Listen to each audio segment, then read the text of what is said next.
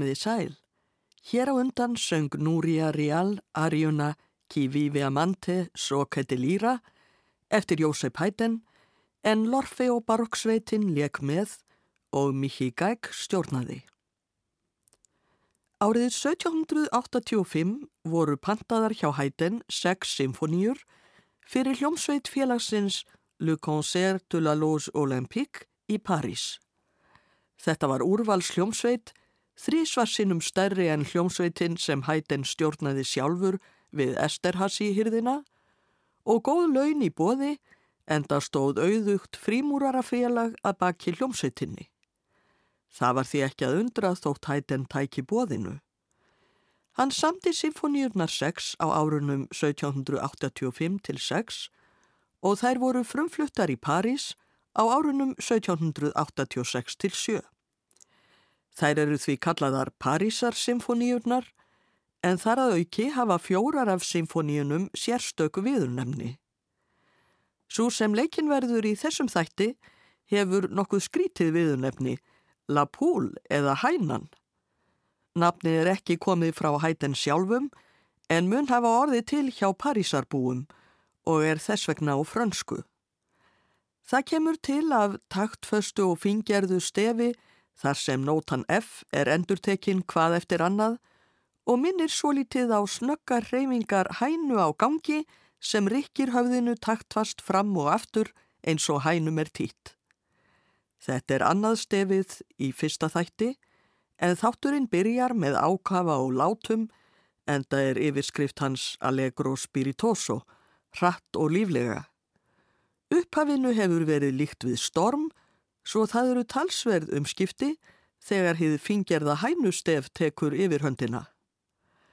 Annar kapli er á göngurhraða, andante, þriðji kapli er menuett og tríó, fremur hratt og lokakaplin er fjörlegur, vivace. Östur ungverska hæten hljómsveitin leikur nú symfoníu nr. 83 í Gemol, hænu symfoníuna eftir Jósef Hæten. Stjórnandi er Adam Fischer.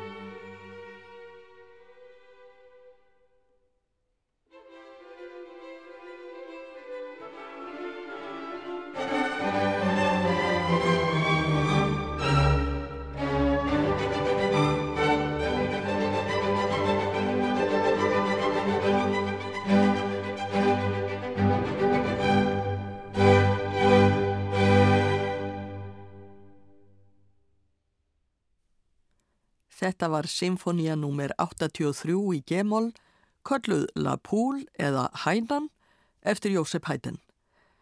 Östurungverska Hæden hljómsveitin leg og Adam Fischer stjórnaði. Eins og áður var getið var það árið 1785 sem Hæden fjekk pöntunina fyrir Parísar symfóniunar 6. Sama ár voru sex tónverk eftir annað tónskáld tilenguð honum. Þetta voru sex strengjakvartettar og tónskáldið var góðvinur Haydens, Wolfgang Amadeus Mozart. Mozart skrifaði hlílega tilengun þar sem hann líkti sjálfum sér við föður sem væri að senda börnin sín út í heiminn og bæði vinsinn, frægan og merkan mann að annars þau. Kvartettarnir voru börnin og Hæden var vinurinn. Hæden glattist yfir tilenguninni og eftir að hafa hlýtt á kvartettana leikna heima hjá Mozart fjölskyldunni sagði hann við Leopold, föður Mozarts Frammi fyrir Guði og sem heiðverður maður segi ég þér að sonurðinn er mesta tónskáld sem ég þekki, hvort sem heldur er personulega eða af afspurn. Þessi orð hafa orðið fræg í tónlistarsögunni. Á þessum tíma var Haydn 53 ára gammal og Mozart ekki orðin þrítugur. Og líkt og symfoníurnar 6 eftir Haydn hafa verið kallaðar Parísar symfoníurnar eru þessir 6 kvartettar Mozarts þekktir sem Haydn kvartettarnir. Ekki er hér tími til þess að leika neittn af Haydn kvartettunum í heild en hér verður nú fluttur fyrsti kapli úr einum þeirra strengjakvartett nr. 17 í Estur sem er samin í november 1784. Hann er kallaður veiðikvartettinn en ekki er það nafn frá Mozart komið, ekki frekar en hænunafnið á symfoníunni er komið frá Haydn.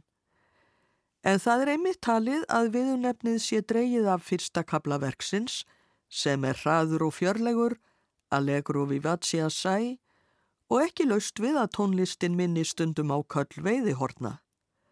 Það er Quartetto Italiano sem hér leikur fyrsta kabla strengja kvartetts í betur K458 veiði kvartettsins eftir Wolfgang Amadeus Mozart.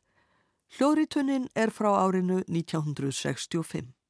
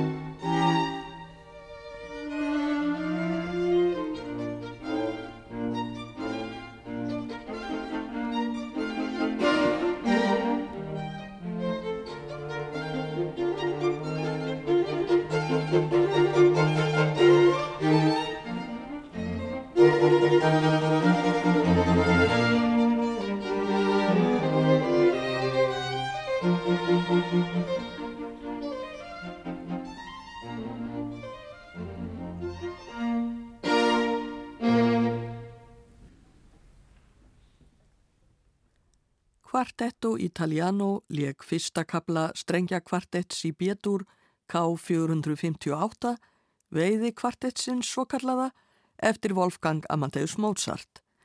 En eins og framkom hér áðan er þetta einn af kvartettunum 6 sem Mozart tilengaði hæten árið 1785. Á dögum hætens og Mozarts var vegur ljóðasöngsins ekki orðin jafn mikill og síðarvarð með tilkomu Schuberts og fleiri tónskálda sem einbeittu sér að samningu einsöngslaga. Engvað síður sömdu bæði Haydn og Mozart einsöngslög með pianoleik og söm þeirra þykja ágætlega hefnuð. Við heyrum nú einsöngslög eftir það báða.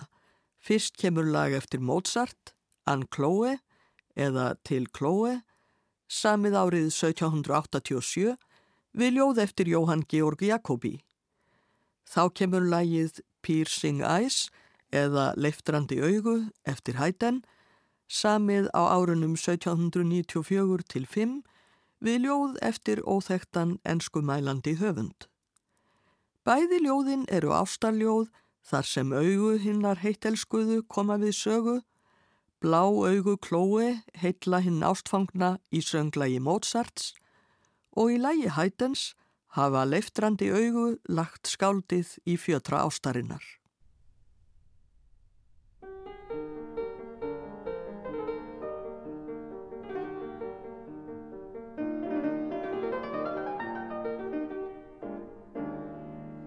Wenn die Liebe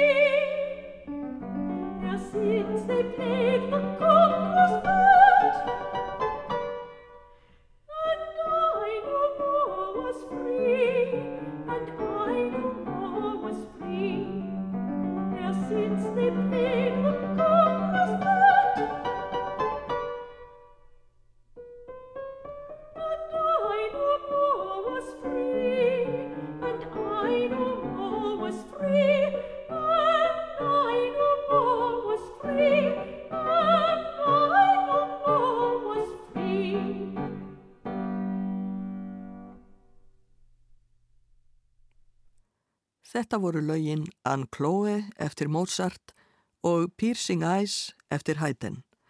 Julian Baird söng lægið Anne Chloe og Colin Tilney leik á fortepiano. Judith Nelson söng lægið Piercing Eyes og Elaine Thornburg leik á piano.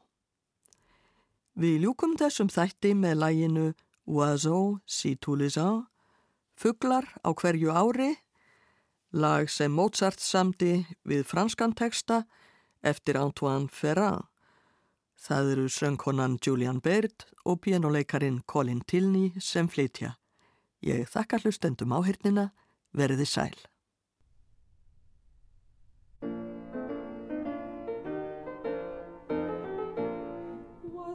Si tous les ans vous quittez nos climats, vous quittez nos climats, Triste hiver, dépouillez mon montage, ce n'est pas seulement pour changer de voyage et pour libérer des mélancolies noires.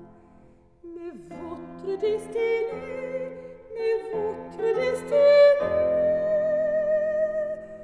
ne vous permet, ne vous permet de nous.